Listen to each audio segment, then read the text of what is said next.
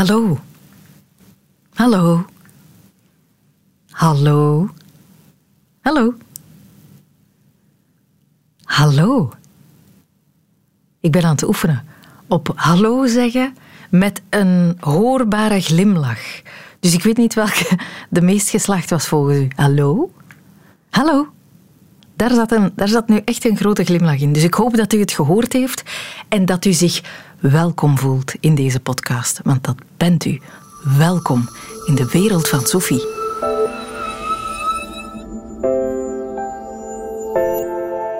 Nee, ik wil, ik, waarom wil ik zo starten? Ehm, ik wil het hebben over gastvrijheid. Want ik zit met een kwestie gevrongen. Het zijn de volgende. Door corona vind ik het heel moeilijk om gastvrij te zijn. Er komen dan mensen aan de deur, aanbellen, bijvoorbeeld de buren. En wat je dan normaal wil doen, is zeggen: Kom binnen, welkom, zet u, drink iets, ik zal uw jas ophangen, blijf je anders iets eten. Dat soort dingen. En dat mag nu niet. Je moet de mensen buiten houden, je moet de mensen op afstand houden. En dat wringt toch een beetje, dat botst wat met onze natuurlijke gastvrijheid. Dus ik was op zoek naar een oplossing voor dat awkward momentje aan de deur waarbij de niet-uitnodiging om binnen te komen toch zo wat stilverwijtend in de lucht hangt. En Babette Mone heeft me daarbij geholpen. Zij heeft ontdekt dat er zoiets bestaat als corona-etiketten dat is echt een ding aan het worden, want het is inderdaad wat jij beschrijft. Je mhm. ziet iemand aan de deur staan, je wil die binnenvragen, dat vraagt de etiketten, maar dat mag nu niet. Dus moeten we nu op zoek naar een andere manier om gastvrij te zijn en daar ontstaan als vanzelf dan regels rond. En ik heb eens heel eventjes gezoomd met Kevin Strubbe. Dat is de specialist ter zaken eigenlijk. Ik dacht, als hij het niet weet, dan weet niemand wat we nu moeten doen als er iemand aan onze deur staat. Mhm. Eh, Kevin heeft al drie boeken geschreven over etiketten. Is trouwens ook nog de persoonlijke butler geweest van toen kroonprins, nu koning Filip. Wow. Dus hij, hij kent er wel alles van. En hij heeft nu ook een consultancybedrijf dat andere bedrijven helpt om gastvrijer te zijn.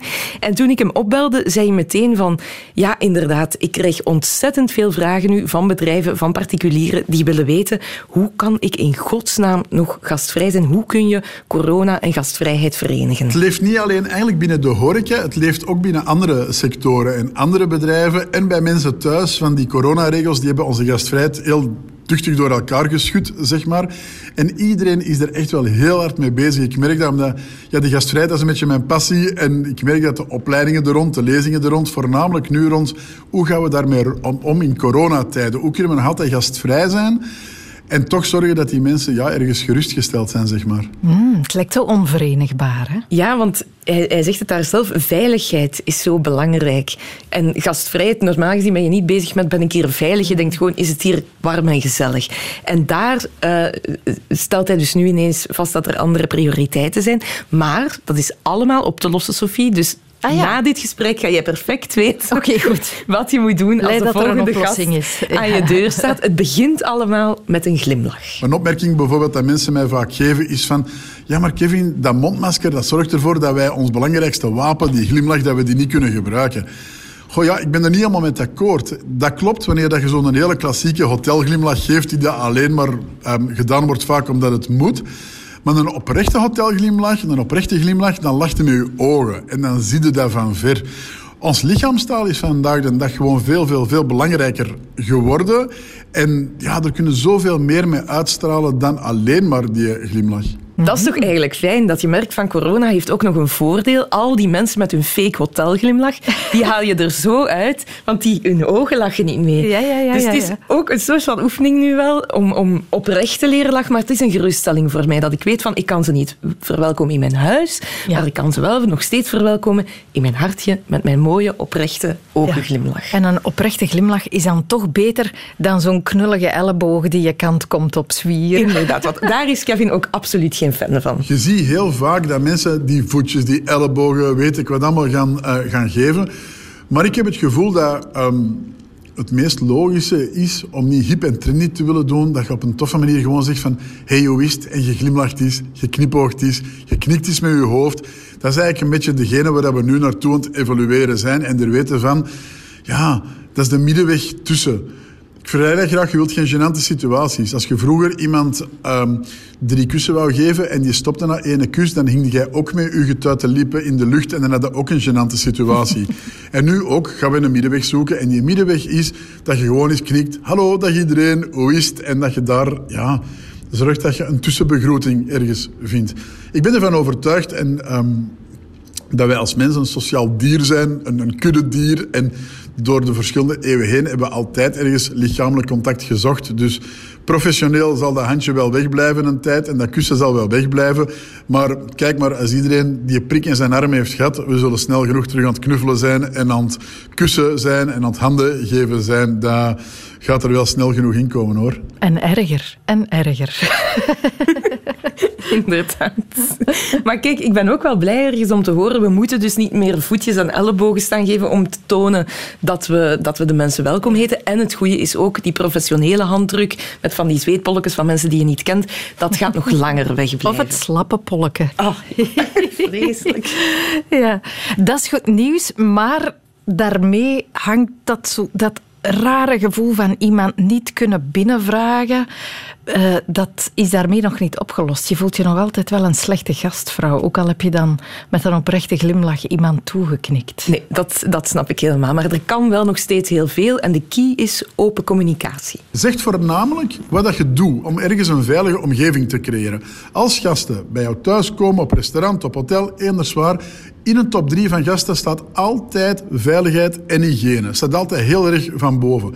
Wat wij gaan doen, is die mensen geruststellen op een heel leuke manier. En gaan we zeggen van, ah, zelfs bij mensen thuis van, ah ja, maar ik heb de ramen opengezet, ik heb het al eens goed verlucht hier. Het is hier um, heel frisjes binnen, maar het is hier in ieder geval heel veilig. En ik heb ook nog eens handshell voorzien. En benadrukt gewoon in uw communicatie wat dat je doet.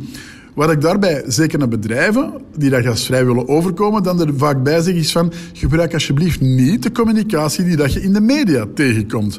Want in de media komt er heel vaak, als wij die brochures en formulieren en affiches afdrukken, de bevelende vorm tegen. U moet uw handen wassen. U zal handgel gebruiken. U moet afstand houden.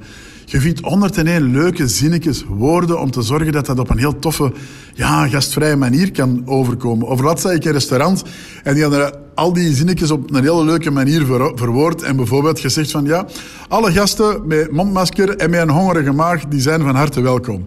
En zo dat die eigenlijk heel die slogans en dingen op een heel leuke manier, um, ja, omschreven.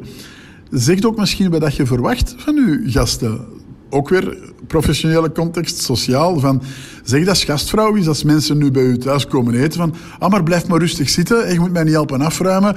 Dat is gelijk op restaurant. Dat is veel veiliger. Hè. Het is altijd die goede middenweg zoeken. De mensen komen niet alleen voor de veiligheid en hygiëne, maar die komen vooral voor een toffe avond en voor een toffe beleving binnen uw um, bedrijf en, en bij u thuis toch een opsteker dat het ook nog over gezelligheid mag gaan, want het gaat de hele tijd over veiligheid en hygiëne. Maar dus open communicatie, een veilig gevoel, daarmee begint alles. Nu, ik zie jou wel denken, ja, nu heb ik nog altijd geen concreet alternatief voor kom binnen, zet u. Inderdaad. Maar dat had hij gelukkig wel. Ik denk dat dat net heel leuk is om te zeggen van, ja... Um, ik kom wel met u, dus nog eens even buiten staan of, of, of op veilige afstand. Waarom niet? Het is ook niet verkeerd om mensen buiten voor de deur. Tegenwoordig zie je dat net heel vaak, dat mensen buiten voor de deur terug aan het buurten zijn, gelijk dat ze vroeger zegden. Van, ja, zo nieuw is dat niet. Hè? Onze grootouders en overgrootouders die stonden allemaal buiten op straat heel vaak een babbel te doen. Hoe gezellig was dat niet?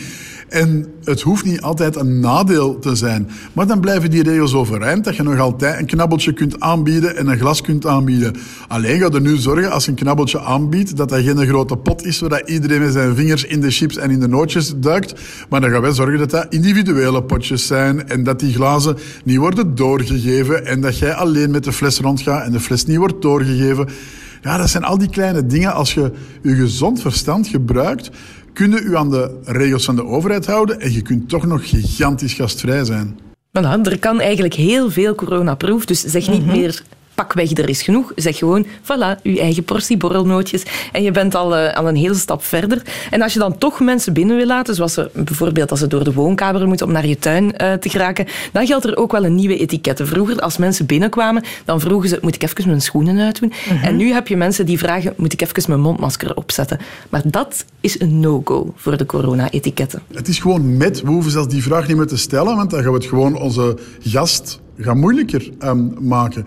Voilà. Dus als je ergens aanbelt en je bent van plan om door, de, door het huis te passeren, je zet al je mondmasker op, zodat je niet die awkward situatie hebt van ja, ik zou het graag hebben ja, ja, dat je mondmasker opzet. Oké, over sommige dingen moet je super helder communiceren. Over het mondmasker, daar moeten we niet meer over praten. Nee, dat, is, is, gewoon een regel. Maar het is ook wel zo dat corona en corona-etiketten een stukje assertiever zijn dan hetgeen dat we voordien onder beleefdheid uh, uh, kaderden. Langs de andere kant is het ook wel zo dat we heel vaak zo toch onze zachte Vlaamse aard een klein beetje hebben zien opschuiven op een misschien um, gastvrije, assertieve manier. Dat wil zeggen van we zijn heel erg door de overheid, door de virologen op een positieve manier geduwd geweest een klein beetje in het eerlijk durven zeggen als bepaalde regels niet werden nagekomen.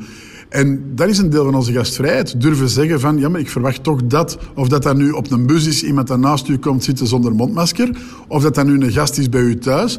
Maar ik denk van, ja, zoek de juiste manieren om dat te zeggen. Als er bij mij gasten komen en die hebben geen mondmasker bij, dan zou ik kunnen zeggen van, ah, super welkom, leuk dat je er bent. Ik heb zelfs speciaal voor degenen dat vergeten zijn, mondmaskers voorzien. Mm, gastvrij, assertief. Dat is het nieuwe adagium. Het is eh, ja, interessant eigenlijk wel, hè, dat je nu je gast gelukkig kan maken door eigenlijk alle onzekerheden weg te nemen en door je assertief op te stellen. Ja, inderdaad. Een veilig gevoel en durven je eigen grenzen stellen. En dat is iets dat misschien wel vroeger wat tegen onze aard indruist. Wij, wij mhm. zijn mensen die inderdaad altijd de gast is koning. Nu mag je wel echt je eigen grenzen stellen. Het is jouw huis, jouw regels.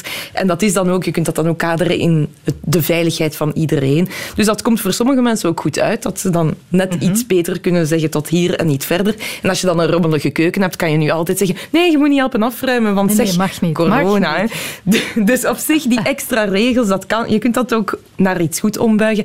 En de basis van gastvrijheid, die blijft gelukkig ook. Dat is zorgen dat mensen ehm, een, een thuisgevoel hebben, een welkomgevoel hebben. Maar als ik het dan heb over ja, de cursussen en de opleidingen en zo verder, waar we mee bezig zijn, dat gaat niet alleen bij mensen thuis. Dat is ook een bedrijf kan zorgen dat je de extra saus wordt van je product, zeg maar. Dat je zorgt dat de mensen dat klein stukje beleving hebben, dat ze dat welkom gevoel hebben. Ik vergelijk dat graag als jij uh, of als ik bij jou thuis kom en je doet de deur open, dan ga jij met mij oogcontact maken. Je gaat glimlachen. Je gaat mij een jas aannemen. Je gaat mij in de zetel zetten. Je gaat mij iets om te drinken geven. Als mijn glas leeg is, dan ga je dat bijvullen. Dat is gastvriendelijkheid. Dat is met je gasten bezig zijn. Dat is anders dan ja, nummer één, nummer twee en dat heel vluchtig contact uh, dat je vaak ervaart. Gastvrijheid is een thuisgevoel creëren. Definitie 1. En we stoppen daar graag onze tijd in. We doen al eens moeite als er bezoek komt. Het schoon servies wordt bovengehaald, het huis wordt proper gemaakt.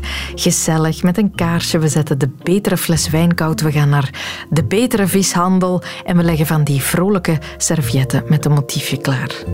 Maar goed, die moeite moeten wij niet elke dag doen. Verandert je idee van gastvrijheid als je dat wel elke dag zou moeten doen? Kijkt een professionele gastheer anders naar dat idee van gastvrijheid?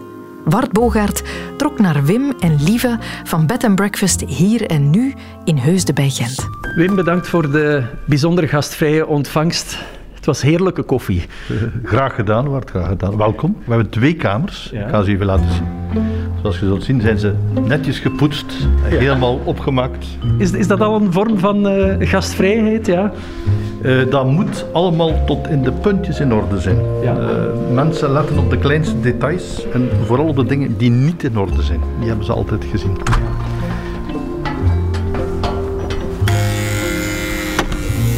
Hier zijn we.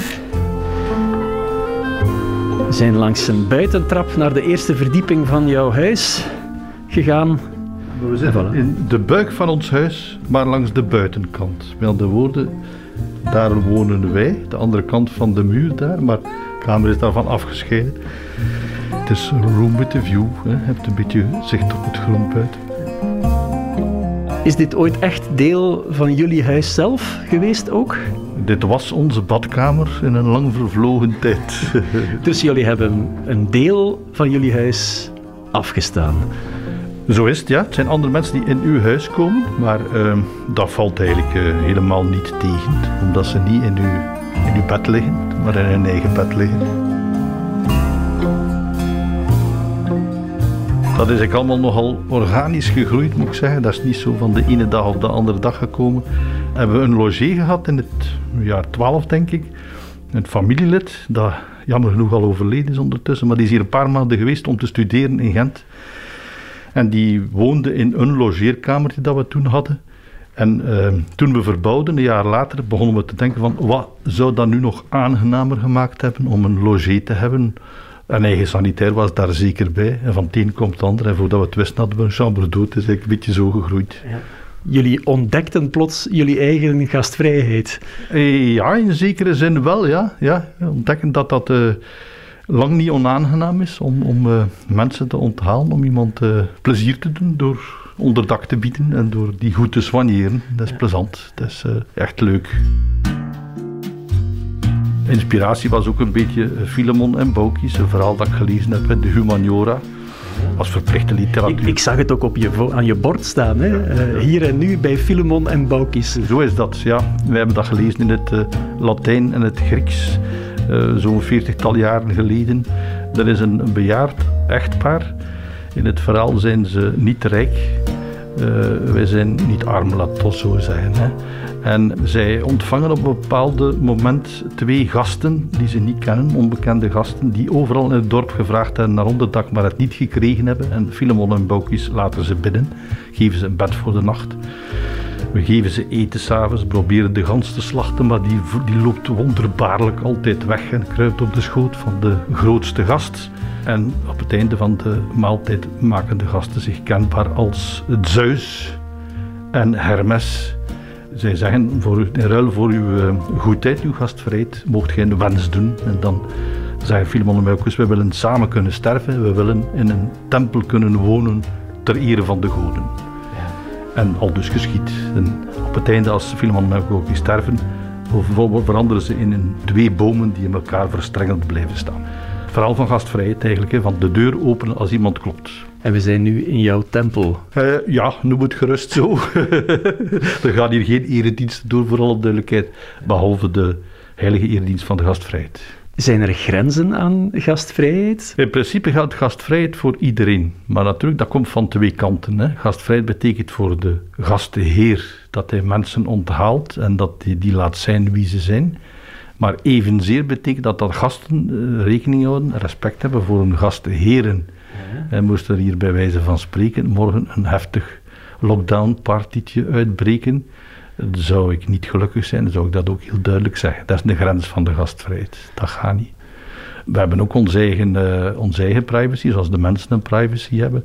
Dus uh, we moeten dat een beetje respecteren, of helemaal respecteren van elkaar. Zou je het omschrijven als een eenrichtingsrelatie? Oh, wij krijgen zeer veel terug ook. Ik noem dat geen dankbaarheid, maar erkentelijkheid. En dat is... Uh, eigenlijk is dat een vorm van, uh, van geven. Dat is zeker geven en nemen. Hè, want, uh, je hebt ook mensen, kan ik me voorstellen, die gewoon ergens anders willen zijn en met rust gelaten willen worden. Zeker. Maar dat is ook gastvrijheid. Hè. Gastvrijheid is goed inschatten wat dat u, uw gast nodig heeft. En dat is niet... Uh, laten we zeggen, je zijt er voor de gasten, de gasten zijn er niet voor u. Uh, dus je moet niet op die mensen vliegen of ze omzwerven of ze daar beslag op leggen. En omgekeerd ook niet. Hè. De kwestie, dat is een kwestie van weer dat geven en nemen. En we hebben hier heel in het begin een Nederlands echtpaar gehad dat toekwam. En wij bieden altijd een welkomst. Allee, in pre-coronatijden boden wij een welkomstdrankje aan. Dat kunnen we nu jammer genoeg tijdelijk niet doen, maar dat komt terug. En die mensen zeiden: nee, dank u wel, wij willen alleen zijn. We hebben dat uiteraard gerespecteerd en dat schrijven ze in het gastenboek nadien. Ze geven u echt de ruimte. Dat is plezant. Dat vind ik een compliment. Ja, dat is eigenlijk wat we bedoelen te doen. Het is spelen met afstand en nabijheid ook, denk ik. Hè. Het is, uh, er zijn mensen die een verhaal willen doen en die dat ook uitvoerig doen. Er zijn mensen die er willen zijn en die er toekomen alleen dikwijls of met twee of alleen. Uh, met de ziel in een handen, zoals je ziet. En die moeten ook laten zijn wie dat ze zijn. En ze de tijd geven om even op adem te komen. Als dat lukt, is dat plezant. Hè. Is jouw leven verrijkt sinds je in, wanneer was het, 2013, dat familielid hier te slapen hebt gelegd? Ja, zeker en vast. We mogen dat een beetje beschouwen als zijn erfenis aan ons. Hè. Uh, dat is een cadeau dat hij ons gegeven heeft en wat we alle dagen van genieten. Wim en Lieve vinden inspiratie in het verhaal van Filemon en Baukis. Een verhaal waarin gastvrijheid door de goden rijkelijk beloond wordt. Dat is een sterke overtuiging hè, die velen hebben. Als je een goede gastheer of gastvrouw wil zijn, dan ben je onbaatzuchtig, dan ben je genereus. Je geeft omdat je dat wil, niet omdat je iets terug wil krijgen. Maar in hoeverre klopt dat eigenlijk wel? Daar had ik een boeiend gesprek over met professor culturele antropologie Koen Stroeken van de UGent. Want gastvrijheid is een kernbegrip in de antropologie. Gastvrijheid is de kern van samenleven. En dat is universeel. En daar kan een antropoloog natuurlijk veel over vertellen. Vrijheid is een uh, intrigerend uh, stukje van het woord gastvrijheid, omdat volgens Marcel Mauss, uh, een antropoloog die 100 jaar geleden een wereldwijde vergelijkende studie heeft gemaakt van de gift, mm -hmm. gaat het eigenlijk om een plicht. Ah, zo? Ja, we hebben de plicht om uit te nodigen. Dat is volgens hem de universele wet. En gastvrijheid geven is heel belangrijk, want zo hou je de groep samen en Maus zegt, de gift kent daarom drie plichten. Dus niet alleen het geven, in dit geval van gastvrijheid uitnodigen dus, mhm. maar ook ontvangen, dat is een plicht, eh, dus niet weigeren, en teruggeven vroeg of laat. En alle drie moeten regelmatig gebeuren. Er is een soort wederkerigheid aan de gastvrijheid verbonden. Dat, is, dat is de term. Dat is de term. En, en, en Malinowski die, uh, heeft daar in 1920, dus ook zo lang geleden, maar bon, dat heeft de antropologie uh, sindsdien wel beïnvloed, uh, een studie rondgedaan in Melanesië. En die zag dan dat daar zo'n groot handelscircuit was, de Kula. En alles draaide daar rond uitwisseling van één juweel en armband tegenover een andere halsketting. Maar hij stelde vast, die, ja, eigenlijk gaat het hier niet om een ruil. Hier, in, in de schouder van gebeurde daar handel, maar eigenlijk de kern van de zaak was netwerkvormen. En dat waren, dat waren op zich op, op de eerste zicht weinig functionele handelingen die gebeurden. Hè, dus gewoon juwelen uitwisselen. Maar ja, bon, door iets te geven ga je die persoon binden aan je netwerk. En ja, eh, die persoon die, die, die krijgt, die is dan ook weer vrij in zekere zin wel om terug te geven en meer of minder terug te geven. En als je minder teruggeeft dan verwacht, dan kan de persoon die gaf erover klagen. Dus dat gevoel van, uh, uh, als je een cadeau krijgt en je vindt van, ik denk nu terug aan Europa, uh, ja, ik heb toch eigenlijk vorig jaar voor zijn verjaardag veel meer gegeven dan die paar sokken die ik nu krijg. Maar feitelijk, je kunt dat zeggen, maar als je, oh, je kunt klagen over een slap geschenk, maar meestal gaat het wel voor jezelf houden. Terwijl het juist expliciet in die de bedoeling was om te klagen als je niet content was. Ja, ja. Het is een soort liefdevolle verovering van de ander. Ja, ja, want dat is het natuurlijk. Hè. Als je dus uh, denkt aan de studies in het begin van antropologen die dan uh, ontdekt dat ja, er werd veel oorlog gevoerd en we wisten dat zeker ook in Europa. En dan bleek dus een alternatief te bestaan om mensen aan u te binden via inderdaad giften. Mm, allianties mede en door de ander gunstig te stemmen creëer je een band en dan krijg jij misschien op een dag ook iets terug. Het is niet vrijblijvend, gastvrijheid. Nee, nee, dat is zeker zo. Je, kunt zeggen dat uh, als ik nu uh, vergelijkingen zou maken over verschillende culturen, mm -hmm. dan het komt altijd weer terug. Um, en eigenlijk is het Westen de uitzondering. Ah, zoals, ja, zoals we het Westen nu kennen. je hebt voorbeelden in Arabische, islamitische cultuur, gastvrijheid daar diafa. En, en bij normaalse volkeren was dat natuurlijk essentieel om als reiziger onderdak te vinden en, en bescherming te vinden. Maar één keer als uh, die bevolking sedentair werden, dan werd dat onderscheid tussen privé en publiek veel groter. En dan werd gastvrijheid iets ja, toelaten tot de, zoiets als toelaten tot de privésfeer. En zo'n manier vinden, eigenlijk, en vooral de vrouw vond dan een manier om daarmee de status van het gezin duidelijk te maken. Dus je ziet, daar zijn altijd wel voorbeelden ook in Azië en, en, en, en zelfs bij ons eigenlijk, als je terugkeert in, in het verleden, daar is een, in de Edda, dat is een oud Scandinavisch epos van IJsland, mm daar, daar staat op een gegeven moment een raadselachtige formule: de vrek vreest giften. Ah, want er is die wederkerigheid. Ah ja, ah ja want als je, uh, voor de vrek is dat wel moeilijk, hè, want die kan eigenlijk niet minder teruggeven dan wat hij kreeg. Ja. Uh, ik, ik ga nu vanuit dat het een man is. die van de denkt dat dat meestal man zijn. Ik weet niet, ik kan mij vergissen. Maar goed, als, als, als, als die te weinig teruggeeft, dan zakt die in sociale status. Ja, dus ja. Goh, een, een, een dilemma voor de vrek. Hè. Professor Koen Stroeken. Hij sloot ons gesprek nog af met een bekende uitspraak. Er is wel een, een, een eh, bekende antropologe, Mary Douglas, een dame, een dame ook in Engeland. En die zei wel al in de jaren 70 dat toch een beetje overal hetzelfde is. En om erop te wijzen dat het toch vrij universeel is. Zij zegt, dat is een gekende uitdrukking, there is no such thing as a free lunch. dat is juist, ja. Ja, en dat zeggen we toch ook vaak. En zelfs wanneer dan zo gezegd vanuit een vriendschappelijke hoek uh, aan een free lunch gedaan wordt, zit er toch soms bijvoorbeeld een verwachting bij, een economische grond achter.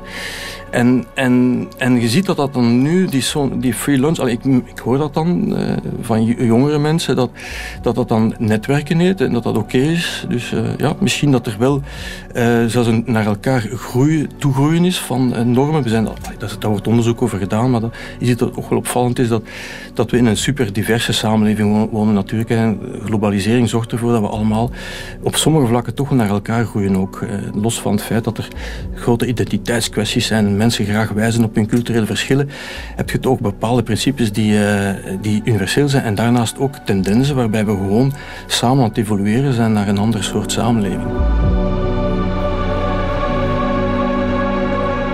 There's no such thing as a free lunch. Gastvrijheid is niet geheel vrijblijvend, ook al denken we graag van wel. We proberen allianties te smeden met onze gastvrijheid en verwachten iets terug. Ooit, op een dag. Ook in de filosofie is het een thema gastvrijheid. Derrida, Jacques, heeft zich daarover gebogen. Voor hem kan je gastvrijheid alleen meten ten opzichte van de totale vreemde. Derrida uh, maakt uh, een, een, op de voor hem tamelijk typische manier de gastvrijheid tot iets heel paradoxaals.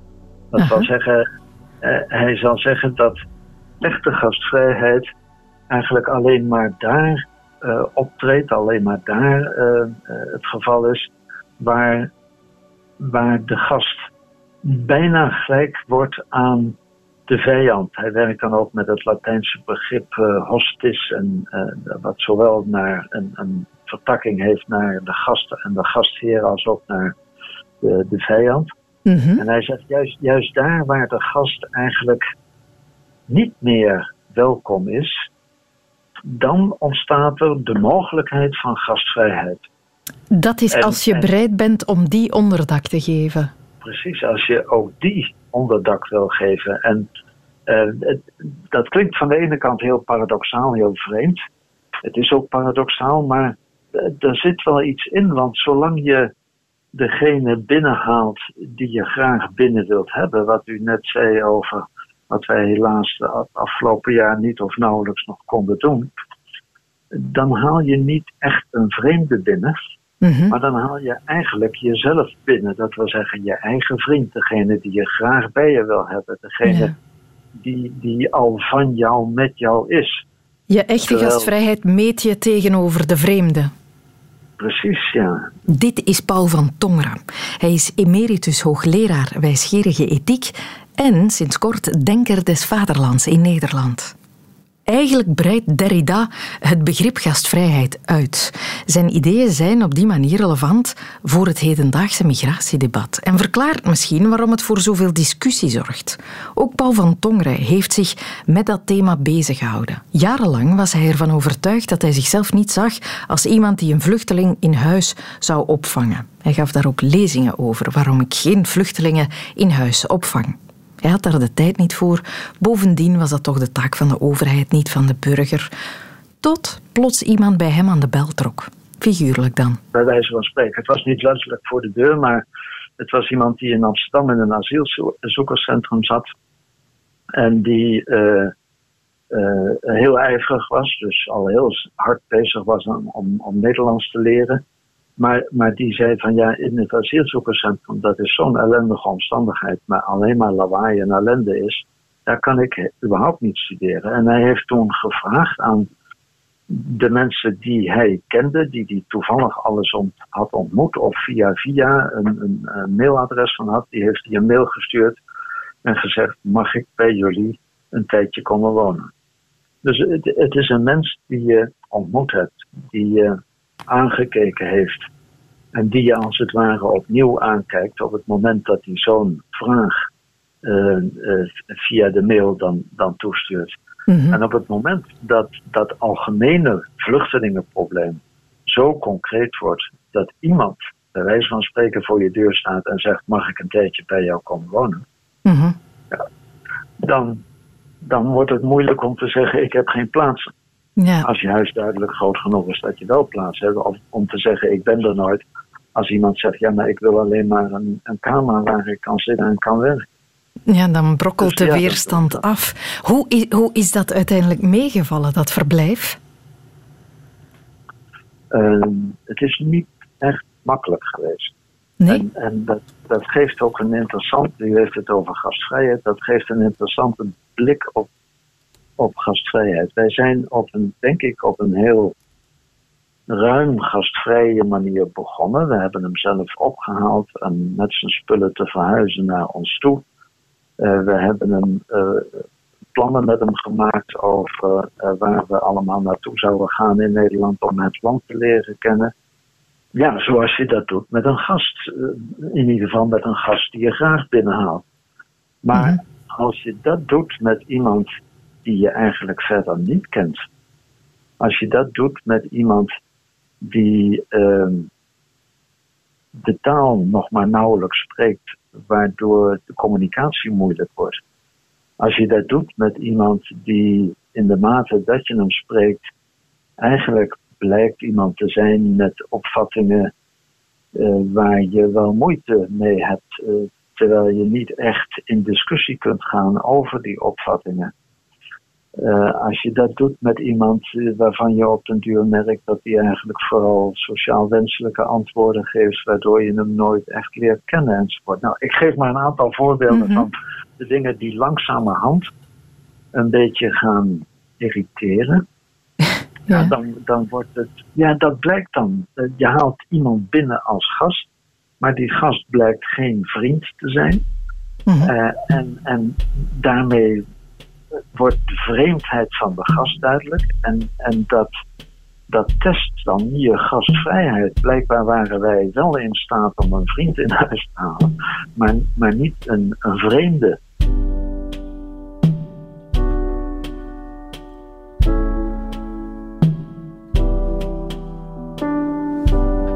Misschien weet je pas hoe gastvrij je bent wanneer de totale vreemde bij je op de stoep staat. Paul van Tongeren vond het een lastige ervaring. Hij worstelde met de aanwezigheid, de communicatie, met van alles. Maar er zijn mensen voor wie zoiets vanzelf gaat. Die perfect hun huis kunnen openstellen voor de vreemde en omgaan met de nieuwe situatie zoals die is. Zijn uitzonderingen, maar ze zijn er. Lies Reuses en Jan Moens uit Mortsel bijvoorbeeld.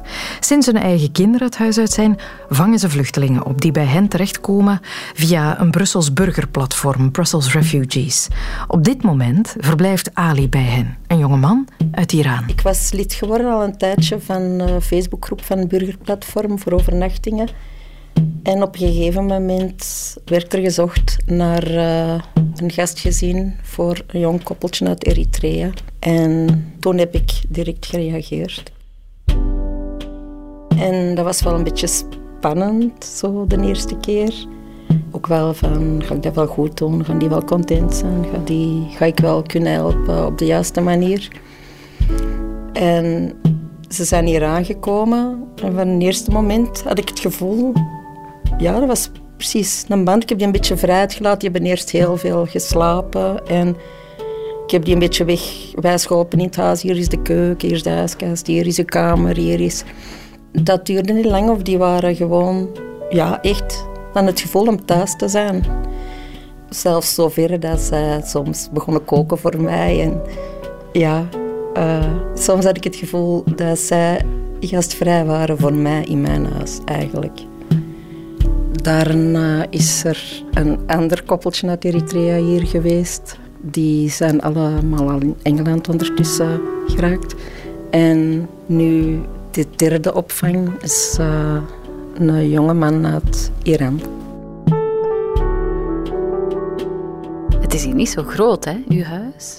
Ik bedoel, het is een ruim huis, maar het is niet zo dat je zelf nog veel privé hebt. Je, je leeft echt samen met die mensen. Ja, ja we hebben natuurlijk onze slaapkamer. Uh, ik heb mijn ateliertje achter thuis. Maar we hebben de woonkamer, de keuken is apart. Mijn jongste zoon is ook terug hier komen wonen. Die heeft heel de zolder voor hem. Uiteindelijk lukt het wel om ieder uw eigen plaats te hebben. Onze gast nu, die heeft ook zijn eigen ruimte. Waar ook een zetel staat waar hij kan zitten. Ik heb nog nooit het gevoel gehad dat we over elkaars voeten zijn gelopen. Of... Nee. Uh, we hebben altijd heel veel, vanaf de kinderen klein waren, heel veel logeetjes gehad. Ik heb dat ook altijd heel fijn gevonden. Een vriend van mij heeft hier uh, een paar maanden gewoond, die haasloos was. Uh, we hebben ook couchsurfers in huis gehad.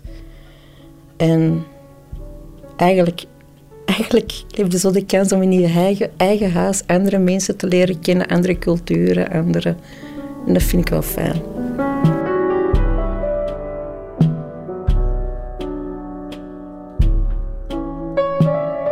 Wat betekent dat voor jou, gastvrijheid? Het is wel grappig. Ik vroeg dat er straks aan mijn man, wat is gastvrijheid? En hij zei, ja, gastvrij. En ik dacht, ja, dat is het eigenlijk wel. Zo mensen het gevoel geven dat ze vrij zichzelf kunnen zijn in uw huis. Dat ze zich welkom voelen en dat ze niet bang moeten zijn om uh, iets fout te doen of gewoon iemand zich welkom te doen voelen. Net als ik zelf mij ook graag welkom voel als ik ergens anders kom.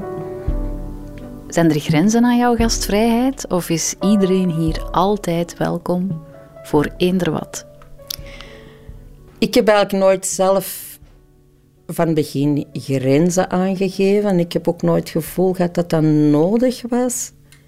Voor mij is het heel belangrijk om samen één keer per dag aan tafel te zitten, samen te eten, samen te kunnen praten over dingen. Maar voor de rest, ik heb zelf ook niet altijd zoveel van regeltjes gehouden. Ik vind regeltjes goed als ze er iets toe doen, maar zolang dat alles draait en loopt, dan, dan is het voor mij oké.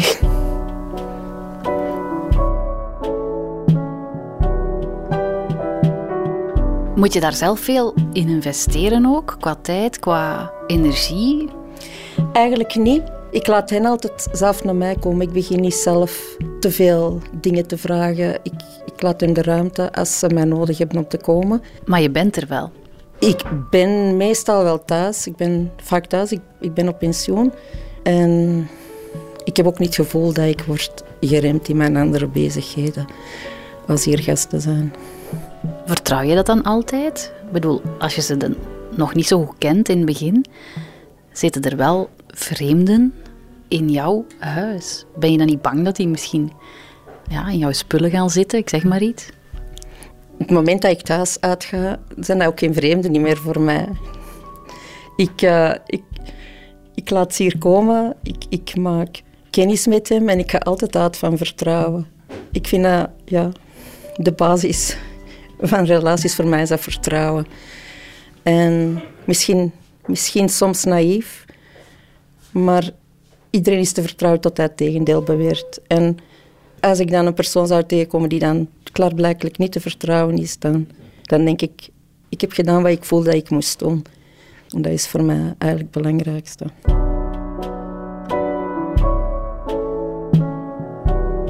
Ali, als je wilt Kunnen we even spreken misschien?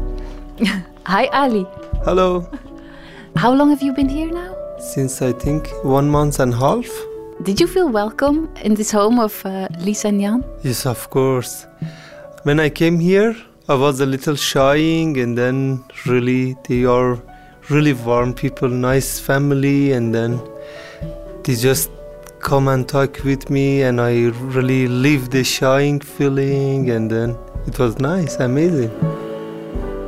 So you have your own room here? Yes, in upstairs. Would you mind to show me? Yeah, sure.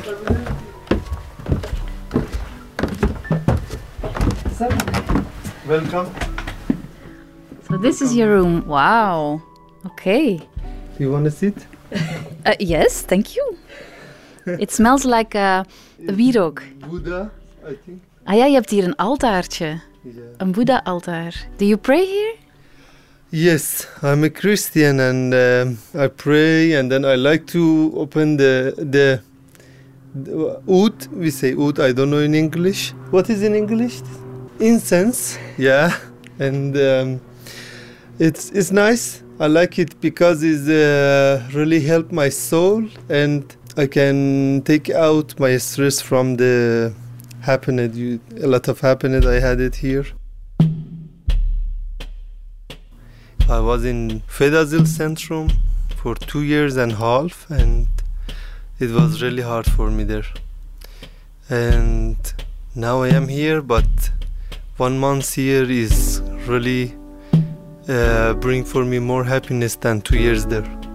I love it. I love it here. You never want to go.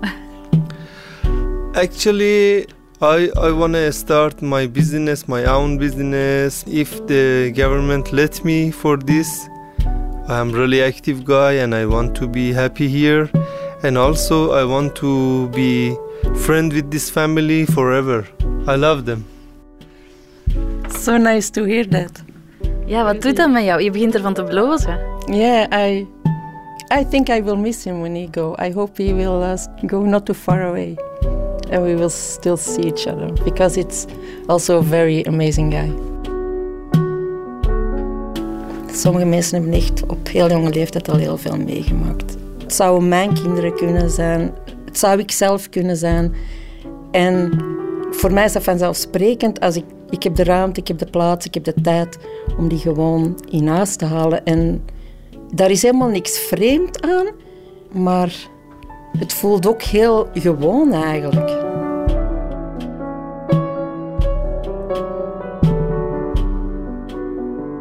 Ik heb uh, met vorige die hier zijn geweest, ik heb nog altijd contact. Die wonen nu in Engeland en ik kan niet wachten tot ik die ga bezoeken na corona. Die zeggen ook zelf, het eerste wat wij gaan doen als wij ons papieren hebben, is, is gewoon terug jullie komen bezoeken. En dat geeft wel een heel fijn gevoel, want ik zie daar echt naar uit gewoon.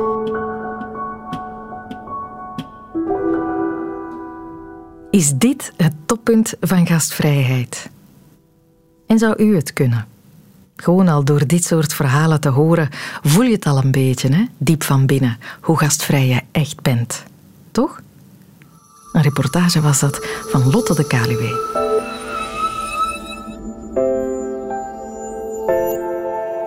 Dit was de wereld van Sophie over gastvrijheid. Ik nodig u zeer graag uit om ook onze andere podcasts te beluisteren of te abonneren op deze wereld. Elke vrijdag is er een nieuwe.